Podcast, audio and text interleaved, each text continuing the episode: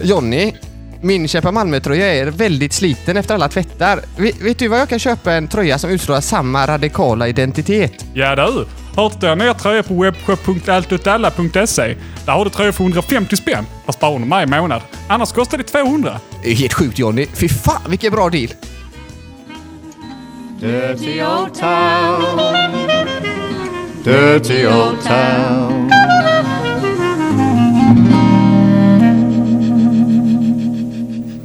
Hej och välkommen till Radio åt alla. Välkommen till Malmö, en podd producerad av Allt åt alla Malmö om stadsutveckling, städer i allmänhet, men Malmö specifikt. Mitt namn är Fredrik och jag sitter här med Kajsa.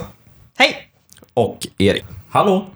Eh, och vi har inte spelat in på ett tag, men det är för att vi har flyttat. Allt åt alla har flyttat till Montbéjourgatan 13 tillsammans med en kurdisk eh, förening eh, som heter NCDK. Eh, vilket betyder att vi just nu sitter i ett rum som eh, ska bli poddstudion, men som just nu mest är, eh, vad ska man kalla det, lager. Eh, vilket är varför ljudet är nog inte så jävla bra den här gången. Och eh, eftersom att vi är lite rostiga så känns det som att, det här, att vi kommer behöva liksom ta oss igenom det här avsnittet. Någon får hålla mig i handen. Men vad vi ska prata om nu är väl vad har hänt sen sist slash vad har ni läst på Sydsvenskan som ni tyckte var kul? Och vi kan börja med Kajsa. Hem och Hyra gjorde en granskning, nu bara för eh, några dagar sedan, om eh, att det finns företag i Malmö som vars affärsidé är att agera som mellanhand och hyra ut, hyra lägenheter eh, av privata fastighetsägare och sen hyra ut de lägenheterna till Malmö stad som Malmö stad kan använda som akutboende för hemlösa. Eh, och där har de framför allt kollat på en, en eh, person som Patrik Persson, eh, som alltså inte är Sydsvenskans blåljusfotograf Patrik Persson, som tidigare har varit den som jag refererar till när jag har sagt Patrik Persson och alla förstår vem man menar. Att det är Sydsvenskans blåljusfotograf. Det, alltså, att vara blåljusfotograf är alltså att varje gång det händer någonting i stan typ så är Patrik Persson där och fotar. Ja, Varje gång du har sett en bild på så, en bomb i natt och du går in på Sydsvenskan eller på typ det brann i en papperskorg. Ja, då, är, då kommer det stå Patrik Persson under den bilden. Liksom. Ja. För han lever ju han lever ju ett osunt liv. Det är ju som att, jag vet inte om vi har pratat om det i podden någon gång, det känns som jag har haft det här samtal gånger, att man liksom sitter och spekulerar i, här, men hur går det till? Hur kan han vara liksom på plats, typ snabbare än räddningstjänsten och polisen? Så på alla larm som kommer in. Men- Det är som att han bara ligger vaken hela nätterna med polisradion vid örat. Liksom. Ja, nej. nej, men jag tänker mig att Patrik Persson är som Malmös Batman. Ja. Alltså att polisen innan de åker dit själva kör en stor signal i himlen och där står det pp.com eller vad hans hemsida nu heter. PPP. Nej, PPP. Patrik eh, Persson Press. Press, så är det nog. Ja, Ja. ja. Men nu har vi att göra med en ny Patrik Persson. Eh, den här nya Patrik Persson har alltså ett företag som heter APTS Förvaltning Bra namn. Och han har också det här, eh, vad heter det, living, living room hotel. Är det det som där vid Känner ni igen Lugnet? det? Där vid Lugnet? Ja, Ja. det finns riktigt snyggt sådär, till skillnad från... Ja. Ja. Han har ju tjänat eh, jättemycket pengar Mm. på att bara vara en sån här mellanhand mellan olika fastighetsägare och Malmö stad. Mm. Ehm, de har tagit fram liksom de här siffrorna. Det är typ så... Ja men förra året betalade Malmö stad 36 miljoner 500 000 kronor Oj, till hans företag oj. för de här lägenheterna. Och han har typ så 50 lägenheter eller något i stan, kanske? Eller? Han vill inte säga det. Eh, och det är ju... Eh, man förstår ju inte riktigt hur det här funkar. De eh, Hem och Hyra i granskningen intervjuar ju också företrädare för Malmö stad, eller tjänstemän på Malmö stad som eh, eh, ja, men säger att de ju har en, eh, en enhet som sitter och jobbar med att ta fram eh, lägenhetskontrakt så att de liksom, Malmö stad kan sitta på kontrakten själva Mm. och inte behöver betala så fem gånger den faktiska hyran till någon mellanhand. Eh, det verkar inte funka så bra. Nej. Och det är ju som att man, hur, hur uppstod den här marknaden typ? Alltså hur, eh, varför? För det måste ju betyda att det finns fastighetsägare som hellre hyr ut sina lägenheter till en mellanhand än direkt till Malmö stad. Mm. måste ju finnas någon slags fördel med det. Mm.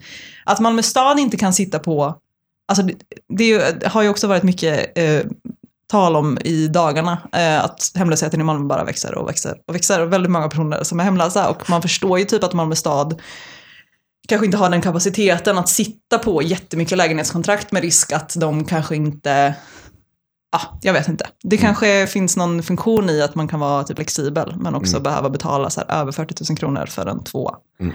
i månaden. Men, eh, men det är svårt att förstå logiken.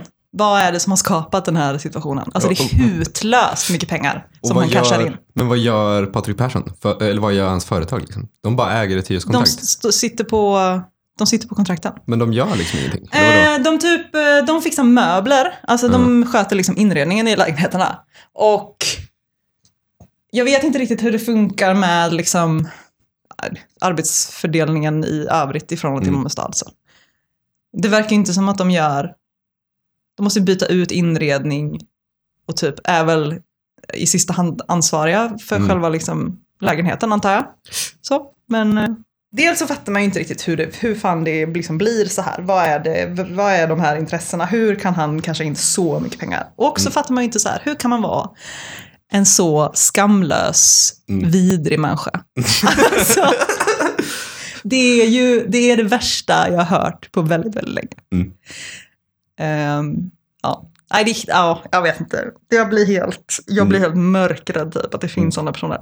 Det som också framkommer i den här artikeln om eh, Patrik Persson, alltså den nya Patrik Persson. Eh, det är ju dels att han bor ju inte i Malmö, han bor i Vellinge. Eller det framkommer inte, de skriver typ att han bor på en, liten stad på den skånska slätten. Men, Men googlar, man lite, lite. googlar man lite snabbt så ser man det. Det finns så, såklart att tillgå. Eh, han, eh, de beskriver ju också fint i den här artikeln att hans, eh, egentligen är hans stora intresse eh, öl, eh, ölbryggande. Vad heter det? Han har ett öl, ett sånt mikrobryggeri. Ja! Och han bara, åh jag önskar att jag hade kunnat, egentligen vill jag bara ägna mig åt mitt ölbryggeri, men det tjänar man inga pengar på. Va? Ja. Han har ju skitmycket pengar ju. Varför gör Ja, han inte han bara? hade säkert kunnat satsa på det liksom. Ja. Um, bryggeriet ligger på Norra Grängesbergsgatan i Malmö. Det heter eh, eh, Lilla Ölfabriken. Ah, Eh, jag visste inte detta, men det finns flera ölbryggerier på Norra Grängesbergsgatan. Ja, och han- den här Patrik Persson lyckas ju också med konststycket att verkligen göra flera saker man hatar på samma gång. Ja, verkligen. Alltså, ja absolut. Eh, men man gillar ju öl. Ja, Men jag tänker att det är väldigt viktigt Absolut. nu att vi, att, vi, att vi drar igång en, en bojkottkampanj Ja. mot Lilla Ölfabriken. ja. Så när ni går på bolaget och ser den här lite så här retro, hetsiga flaskan, lite så 70-talsfärger och typsnitt. Och så står det så, jättefint flaska, Lilla Ölfabriken, köp inte den. Så stödj inte den här personen. Det, det är min starka önskan. ja, och ännu bättre så kan man ju eh, med all sannolikhet gå till nästa Norra Grängesbergsfestival. Där Lilla Ölfabriken brukar ha en monter. Och sen så kan man ju Ja, visst. jaga rätt på den här Patrik Persson. och säga exakt vad man... Säga honom ett sanningens ord. Ja, Ja, visst. kanske till och med rä- räcka ett långfinger eller två. Men vad, vad ska man säga till Patrik Persson? Om man bara har tid med en mening, eller två. Om man är på EBG-festivalen, vad säger man om man stöter på Patrik Persson? Uh, fan... eh, jag vet inte. Sluta ta, sluta suga ut Malmö stads budget som ska gå till hemlösa. Alltså det är... eh, ja, exakt. Om jag då hoppar in här så eh, kom ju nyheten att eh, sossarna och liberalerna ska sätta ihop ett litet bostadsråd. Ett litet bostadsforskningsråd. Som då ska vara deras sätt att försöka bemöta bostadsbristen. Eh, och det är väldigt eller det är väldigt lustigt för det här bostadsforskningsrådet eh, ska då försöka utreda ja, hur man kan lösa bostadsbristen vetenskapligt. Men då så börjar man ju fundera, kommer de vetenskapligt kom man fram till grunderna av bostadsbristen. Hur långt kommer sossarna och liberalerna låta dem forska på? Men det är väl också någon slags oförståelse för vad bostadsbristen, liksom, att det är ett politiskt problem. Det, alltså det, problemet Ja, är inte att det vet. Nej, det, det, är ju, det är ju väldigt gulligt att, att de är så att det är någonting som är så som utomjordiskt typ, för dem. Att det är som en främmande himlakropp som typ har landat på jorden och så kommer man dit och så bara, vad fan är det här för någonting? Vi måste tillkalla experter. Typ. Och så bara, ja. Med det sagt så, så har ju det faktiskt forskat på bostadsbristen. Så det kom, ja, min förhoppning är ju lite att de hinner ju upptäcka det här innan de har plöjt ner alldeles för mycket pengar. Eh, Men det är också lite roligt att spekulera. Vilka kommer sitta i detta bostadsforskningsrådet? Men det kommer väl vara som alla sådana här råd, att det är så, här har vi en vd för ett företag och här har vi en forskare och sen här har en kommunal tjänsteman. Ja, och min gissning är ju mer att det kommer vara som när då Malmö stad och MKB satte ihop en liten Eh, hur man bor, en broschyr eh, i veckan eh, tillsammans med fyra andra privata fastighetsbolag eh, för att säga till hyresgäster vilka rättigheter och skyldigheter de har. Helt utan att inkludera Hyresgästföreningen. Vad som hänt mig sen sist är ju att eh, jag har upptäckt, eh, ja jag har läst på Sydsvenskan liksom, eh, men jag, jag har upptäckt att, eller jag läste en jävligt rolig artikel om att det finns ett företag i Lund som också heter Lime, precis som elskoterföretaget Lime, och att det här företaget i Lund får i snitt tio samtal om dagen från arga eh, samhällsmedborgare som, som vill att det här företaget ska flytta på sina elsparkcyklar. Kul. Deppigt att vara... Fan, det här är så svagt content. Vad ska jag säga? Men det har ju också kommit fram eh, hur kort eh, livstid de här elsparkcyklarna har. ja, det är roligare. Och det är ju bara 40 dagar. Vilket gör att de här eh, företagen faktiskt förlorar pengar på att sätta ut elsparkcyklar.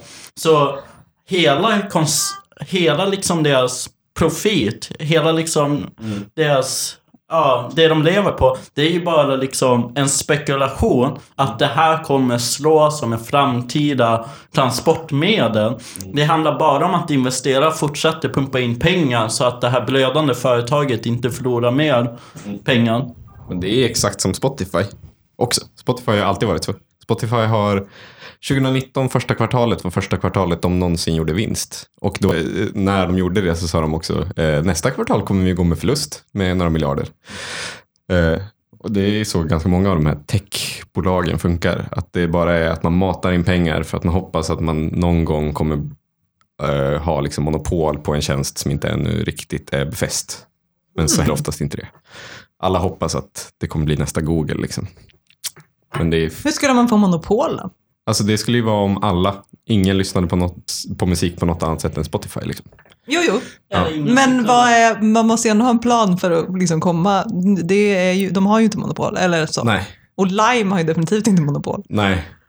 Jag lyssnade ju också, apropå eh, Lime och Monopol, jag lyssnade på en jätteintressant intervju med Fredrik Hjelm, som är en sån tech-entreprenör som startade Voi, som är ett annat av de här elskoterbolagen. Och han, eh, han sa ju det insiktsfulla att allting i den branschen handlar om att man ska bara mata ut elsparkcyklar. Eh, alla företagen matar ut elsparkcyklar i varje stad för att eh, när man väl har fått så att det står en av ens företags eh, cyklar utanför varje lokal eller varje bostadshus. Att det alltid finns en där du bor eller där du är. Då har du monopol. Då kommer alla andra försvinna. Och att, så att allting handlar om att liksom nå den kritiska nivån. Ja, ja, ja. Men vadå, det ni säger nu är att det inte är lönsamt? Ja, och, eh, men det handlar ju om att ta marknadsandelar. Jag tänker att det här, att nå den här monopol, Ja. det är liksom... Det spelar som ingen roll om man någonsin riktigt gör det. Bara, för att bara möjligheten att kunna nå dit. Det är liksom det som gör att man fortfarande kan locka in investerare. Mm, Ja. Alltså det, Alltså, ekonomi hörni. ja, det är så sjukt i, i en spekulationsekonomi att även saker som verkligen ser ut att vara så mega vinstdrivande ofta Mm. inte ens är det riktigt. Det är ju att, att väldigt mycket är byggt på spekulation. Och man fattar aldrig riktigt. Nej, jag fattar fortfarande inte, Nej. även om jag läst jättemycket om det. Men, eh, men det, en annan sak som är kul med det är ju också att tänka att eh, om Voi lyckas få monopol i Malmö, Mm. då kommer ju bara, hur många elsparkcyklar är det som liksom bara har fördärvats av att Lime har försökt konkurrera den här kritiska massan, men så förlorar de loppet liksom. Jag gillar för övrigt att eh, eh, jag har ofta tänkt på att det som vi, det som den här podden liksom tillför vår ganska smala lyssnarskara är så här att vi sitter på Sydsvenskan. Att det är så, ingen annan jävel pallar prenumerera på Sydsvenskan. Men vi gör det. Vi läser tidningen för er. Vi behöver inte göra det själva. Vi ger er det.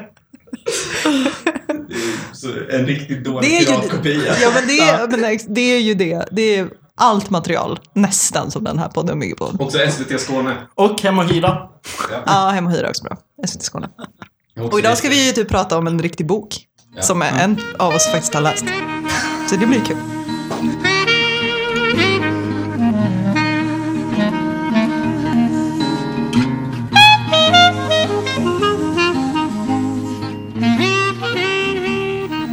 Jag var inne på Stenas hemsida. Stena Fastigheter. Jag vet inte varför. Men det första som kom upp var det här, den här rubriken. Bo... Nu, nu appar vi vårat game här, nu läser jag direkt från Stenas hemsida. Som för övrigt är helt gratis för alla att gå in på själva. Sitta och läsa.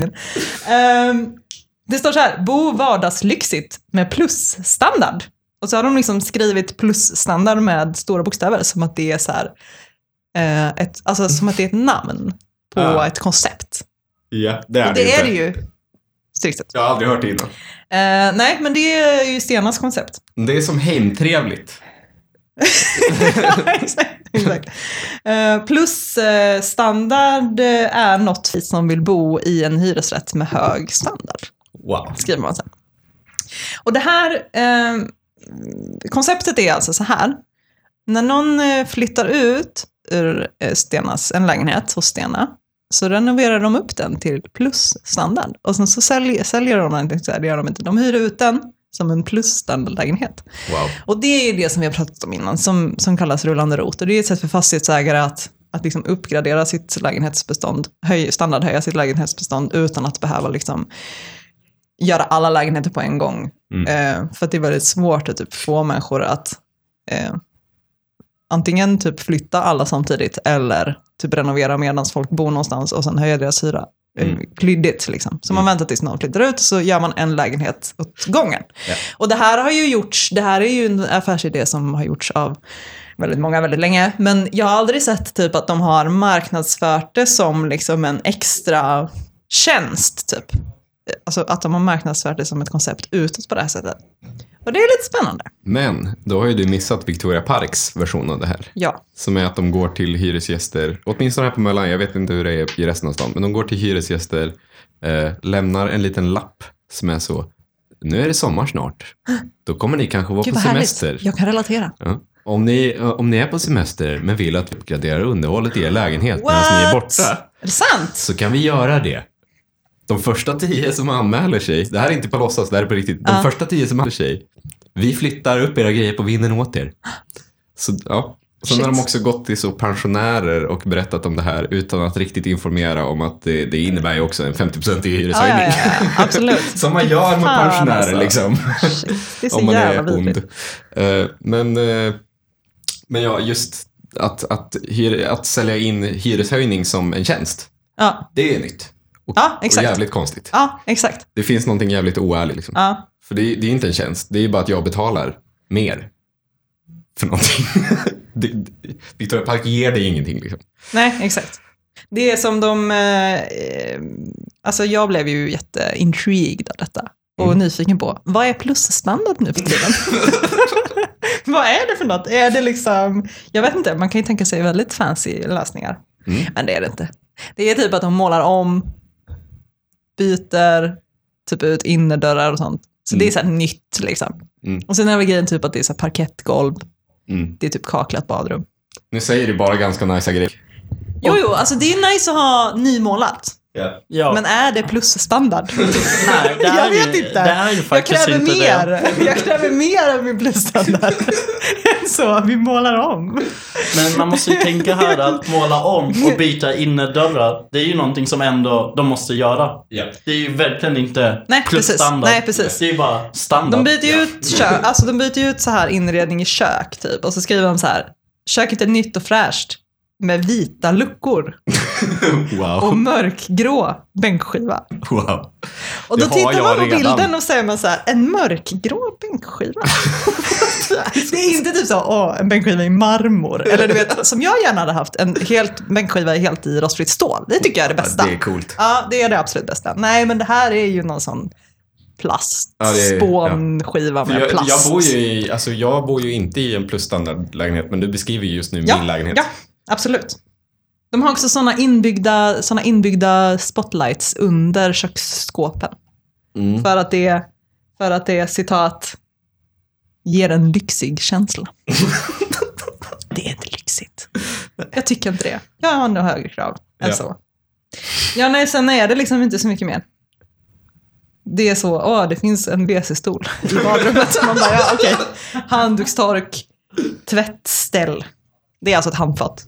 Fast det är ett finare ord. Det är ett finare ord för handfat. Låt er inte luras. Ja, okej.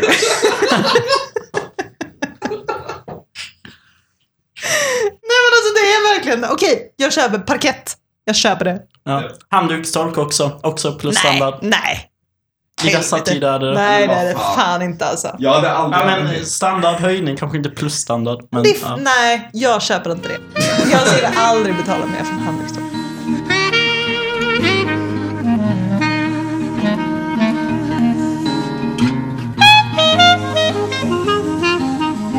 Ja, om vi äntligen kan gå vidare så kommer vi till huvudpunkten för det här äh, avsnittet. Och det är- Huvudpunkten? Ja, huvudpunkten. Alla punkter är lika Vem bestämde det? Jag, jag bestämmer det. Okej, nu går vi vidare. Jag har 9% batteritid. Nu bara kör vi. Så jag har i alla fall läst boken Bostadsojämlikhet som kom ut i december förra året och är skriven av Karina Listerborn på Malmö universitet. Och den här boken är jätte, jättebra. Det måste jag bara först säga. Alltså den, den är så satans detaljrik. Eh, så att jag har inte riktigt lyckats fånga essensen av den. Måste jag tyvärr också medge. Men den är, det är en väldigt bra både historieskrivning av den svenska bostadsmarknaden, hur vi kom dit vi är nu och vad som liksom har skett sedan 1800-talet. Men också eh, kring de politiska turerna av olika lagförslag. Så min plan är nu att försöka dela upp detta i fyra delar. Där jag går igenom steg för steg och sen har en avslutande sammanfattning där jag försöker trycka ihop alla de viktiga poängerna. Vi får se hur det går. Jag tror inte det kommer gå jättebra. Ja. Eh, Men så det här är del ett. det här är del ett. Och del ett kommer handla om typ 1800-talet till 1930. Men eftersom jag tyckte att själva effektiviseringen av jordbruket var så spännande så tänkte jag börja på 1700-talet.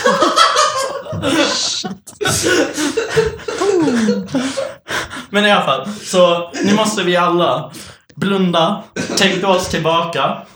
Tänka oss att vi är en bonde på 1700-talet. En bonde. Vi är en bonde. Alla är en bonde. Alla är varsin bonde. En bonde. Ja, skitsamma. Men vi är en varsin bonde på 1700-talet. Vi bor ute i en by någonstans i Sverige. Med vår familj. Eh, och vi äger inte en stor odlingslott. Utan vi äger en massa, massa små odlingslottar omlott med alla andra som bor i den här byn. Så kallade tegar. Ja, exakt. Så kallade tegar. Och de här tegarna, de är små och när man har barn och då också en del av dem, den här tegen i arv, vilket gör att de blir ännu mindre och ännu mer i omlott. Eh, vilket blir väldigt komplicerat system. Men det finns en poäng till det här systemet. Eh, För att det blir en form av självbegränsning på hur stor den här byn ändå kan bli.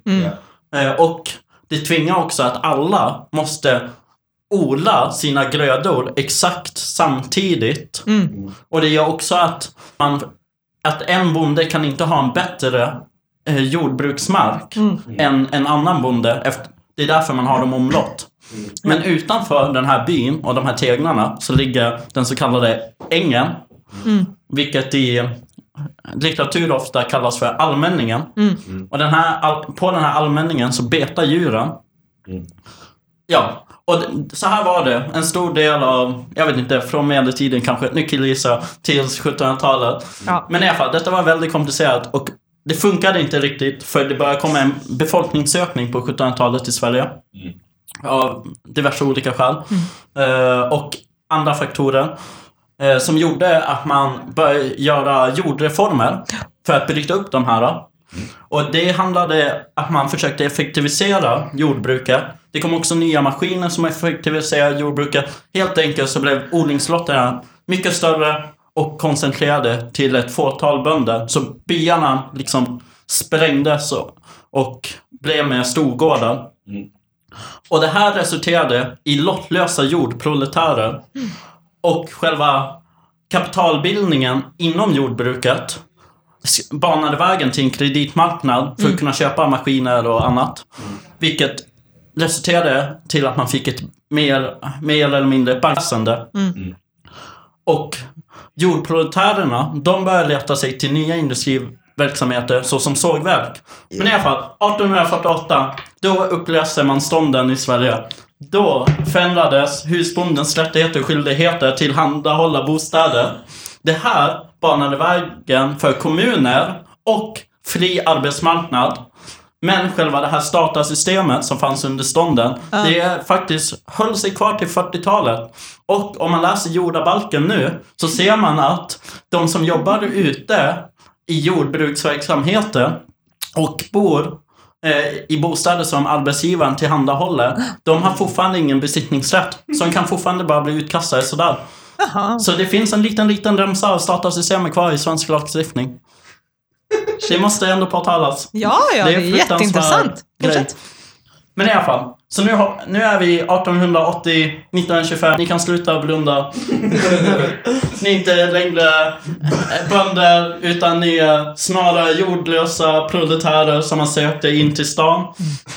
Eh, och här händer en annan eh, förvandling och det är själva relationen mellan hyresvärd och hyresgäst försvinner. Alltså, den tidigare relationen mellan de här två parterna, det är liksom att man har en hyresvärd som kanske bor och äger huset man själv bor i. Och de kommer att hämta hyran varje månad, eller varje vecka. Ja. Eh, Men nu så är det snarare att det bör vara firmor och företag som etablerar sig eh, som fastighetsägare. Eh, och eh, vid den här tiden så ägnar sig fortfarande inte kommuner åt själva byggsektorn. Så det är ju mest bara företag då som gör det.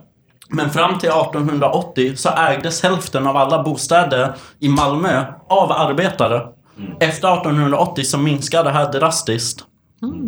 Och det har mycket att göra med att det sker liksom en storskalighet. Eh, Det är liksom en ökad spekulation, stigande markpriser och starkare bolag som stänger ut de mindre aktörerna. Ägandet koncentreras och sektorerna professionaliseras. Eh, Och vid den här tiden dyker också fastighetsägarföreningar upp som en form av påtryckningsgrupp i samhället. Eh, Och om vi pratar väl igen om Malmö så är det en stad som industrialiseras tidigt på grund av dess bördiga jord. Det är alltså en, del av eh, Sverige som där jordbruket effektiviserades tidigt. Eh, och eh, vid 1900-talet så var det främst hyresbostäder man byggde med en norm som var ett rum och ett kök. Ni hör ju verkligen nu hur jag bara har tagit olika delar av den här boken och det är inte jättesammanhängande. men det men här det är är- enda sättet att försöka sammanfatta den här Det är boken. att du snortat upp den här boken. Jag blir extremt exalterad. Ja, men i alla fall. Vi, så, så sent som 1913 så hade 97% av alla bostäder kollektiva dass. Och medellivslängden var kortare i stan än ute på landet. Och det var först runt 1930 som eh, medellivslängden var längre i stan än på landet. Så det var en riktig risig tid kan man väl säga. Men ja, i de här 30 åren, 1900 till 1930, då så började den liberala och socialkonservativa opinionen engagera sig i bostadsfrågan. För att de såg faran med en otyglig bostadsmarknad. Eh, De tänkte att nu kommer sedernas förfall komma. Det kommer leda... Sedernas? Ja, sedernas förfall. Shit. Det kommer leda... Degenererade. Ja, det kommer i alla fall leda till sammanbrott för samhället. Och 1916 så organiserade sig fastighetsägarna i den första liksom, landsomfattande föreningen. Eh, och vid första världskrigets utbrott var bostadsbristen och arbetsbristen väldigt stor. Och det var då statsmakterna tvingade reg- reglera bostadsmarknaden. Så den första liksom, hyreslagstiftningen kom 1917. Och, och med den så var kravet att för att höja hyran så måste man kunna visa på de faktiska utgifterna. Och man fick bara höja lika mycket. Ja. Eh, och man behövde också anmäla alla uppsägningar och lediga bostäder till kommunen. Och de lediga bostäderna eh, sattes i en kommunal bostadskö. Det här var 1917. Det var ändå en fet lag. Ja. Alltså det gav inte några mer rättigheter till hyresgästerna. Ja. Men det i alla fall liksom tvingade alla fastighetsägare att visa hur mycket lediga bostäder man har och låta det gå genom en kommunal bostadsförmedling. Ja, och eh, men den här lagen avskaffades också 1923. Vilket gjorde att fastighetsägarna eh, började vräka alla eh, hyresgäster som de visste var or- organiserade i hyresgästföreningar. Eh, och till exempel så bildades det 1932 en förening som hette Husägarnas garantiförening. Som var en kampförening mot hyresgästföreningarnas skräckvälde och skulle möta terror med terror. Oj! Satan! Jag vet. Ja, men under den här tiden så organiserar sig också hyresgästerna. Redan 1880 så lyftes behovet av organisering, men det var först 1899 som den första föreningen bildades i Göteborg. Och vid sekelskiftets början så kunde liksom hyresvärden gå in till hyresgästen och hämta dess lösöre, alltså möblemang och andra saker när hyresgästen inte kunde betala hyran. Så det fanns ju ett väldigt behov att organisera sig. Och från fackligt håll så lyftes faktiskt frågan om hyresblockader eh, och eh, hyresstrejker. Eh, men, det såg, men den här frågan sågs inte riktigt som en fackföreningsfråga. Eh, men den här... Det fortsatte att bildas olika hyresgästföreningar och 1923 gick åtta hyresgästföreningar ihop och bildade Hyresgästernas riksförbund, alltså det som är idag Hyresgästföreningen. Ja, men i alla fall. Innan den här rörelsen så var i alla fall vänstern väldigt stark. Alltså det var ju egentligen bara kommunister och socialdemokrater. Och medlemmar som var med i Hyresgästföreningen från början, de hade också kopplingar till HSB. Som är ju liksom hyresgästernas kooperativ som byggde hus för hyresgästernas egna skull. Eh, och det fanns kopplingar till Lenin och lite sådär. Ni vet hur det var. Till Lenin? Ja, tidigt 1900-tal. Okej. Alla hade kopplingar till Lenin. De som inte låg med Lenin, de kände honom. Men eh, själva Malmöföreningen var väldigt aktiv i början av 1930-talet och växte stort. De genomförde hyresstrejker, hotade med hyresblockader. Eh, och hyresvärdarnas motlag var till exempel som 1936 när man försökte röka ut hyresgäster. Men det var vanligt att man bara stängde av vattnet. Eh, och de eh, vräkningar som genomfördes på 30-talet de kunde till exempel sätta ut barnfamiljer rätt ut i regn och kyla. Det fanns liksom ingen reglering. Eh, så det hyres... Eh, gästerna kontrade med, det var ofta att när de inledde en hyresstrejk så deponerade de hyran hos deras hyresgästförening. Men i alla fall, en annan metod som var väldigt populär var ju också hyresblockader. Och det är helt enkelt att hyres, hyresgäster gick ut och avrådde personer för, från att hyra dåliga lägenheter med höga hyror. Men fastighetsägarna fortfarande svarade med att vi är hyresgäster som organiserar sig. Så detta är ju en tid då det är en väldigt mycket kamp. Alltså, båda sidor har liksom förstått att de är i, i konflikt med varandra. Och bostadssituationen var värst i Göteborg på 30-talet. Och den mest omskrivna konflikten skedde i Olskroken 1936. Det var att 250 familjer vräktes efter att hyrorna hade höjts med 10%. Eh, och hyresgäst, hyresgästerna som inte hade några rättigheter, de fick också bråka om varje detalj. Men det var inte främst själva hyreshöjningen som de satte sig emot, utan det var själva förödmjukelsen. I liksom det här att de behövde bråka om allt. I att det inte fanns el, det fanns inte ljus, det fanns inte toaletter. Eh, men den här konflikten... Inte plus standard. Men den här konflikten engagerades eh, till en stor del av Sverige. Och blev liksom en nationell nyhet. Och till slut så eh, var länshövdingen tvungen att sätta ihop en kriskommitté. Eh, och det slutade med att de fick eh, de fick eh, husen renoverade och eh, hyran bara höjd en krona istället för fyra. Ändå stort. Ja. Eh, Jag älskar att man ändå liksom organiserar sig på basis av förödmjukelse. Att det, är så, det, det är ändå nice. Det känns som man borde... Men den sista delen som jag vill komma till, det är i alla fall Hyresgästföreningen. För många av dem betonar att de skulle vara partibundna i en rädsla av att sossarna skulle ta över hyresgäströrelsen. Eh, och det fanns där en splittring mellan radikala grupper och socialdemokratin. Men efterhand så blev sossarna dominerade eh, och försökte få bort kommunisterna. Och det var mycket på grund av att sossarna hade stöd från de styrande. Alltså också näringslivet. Man såg sossarna som några man mer kunde samarbeta med. Vilket är väl ändå lite rimligt. Man skulle kunna säga att det blir alltid bäst när det sitter en sosse bakom ratten. Och när det väl betyder någonting så är det bäst att det sitter en sosse bakom ratten.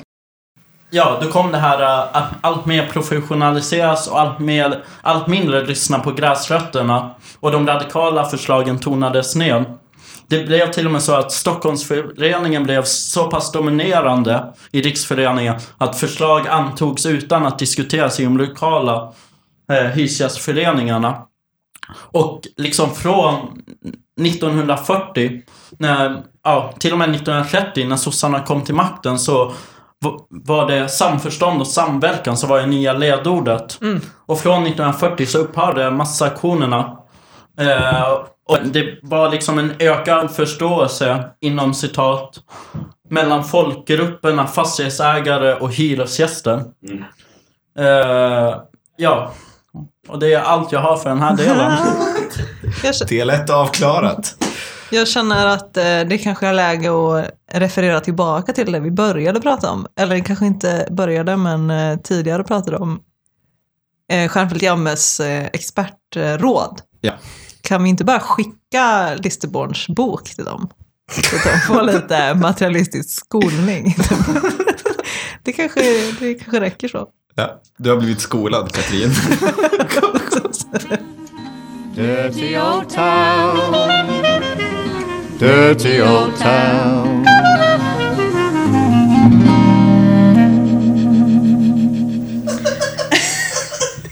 Okej, eh, vi går vidare. Tack. Du kommer få klippa satans mycket. Tyckte det bra. Jag är nöjd med det inslaget. Jag tyckte det var bra, men pågick lite för länge.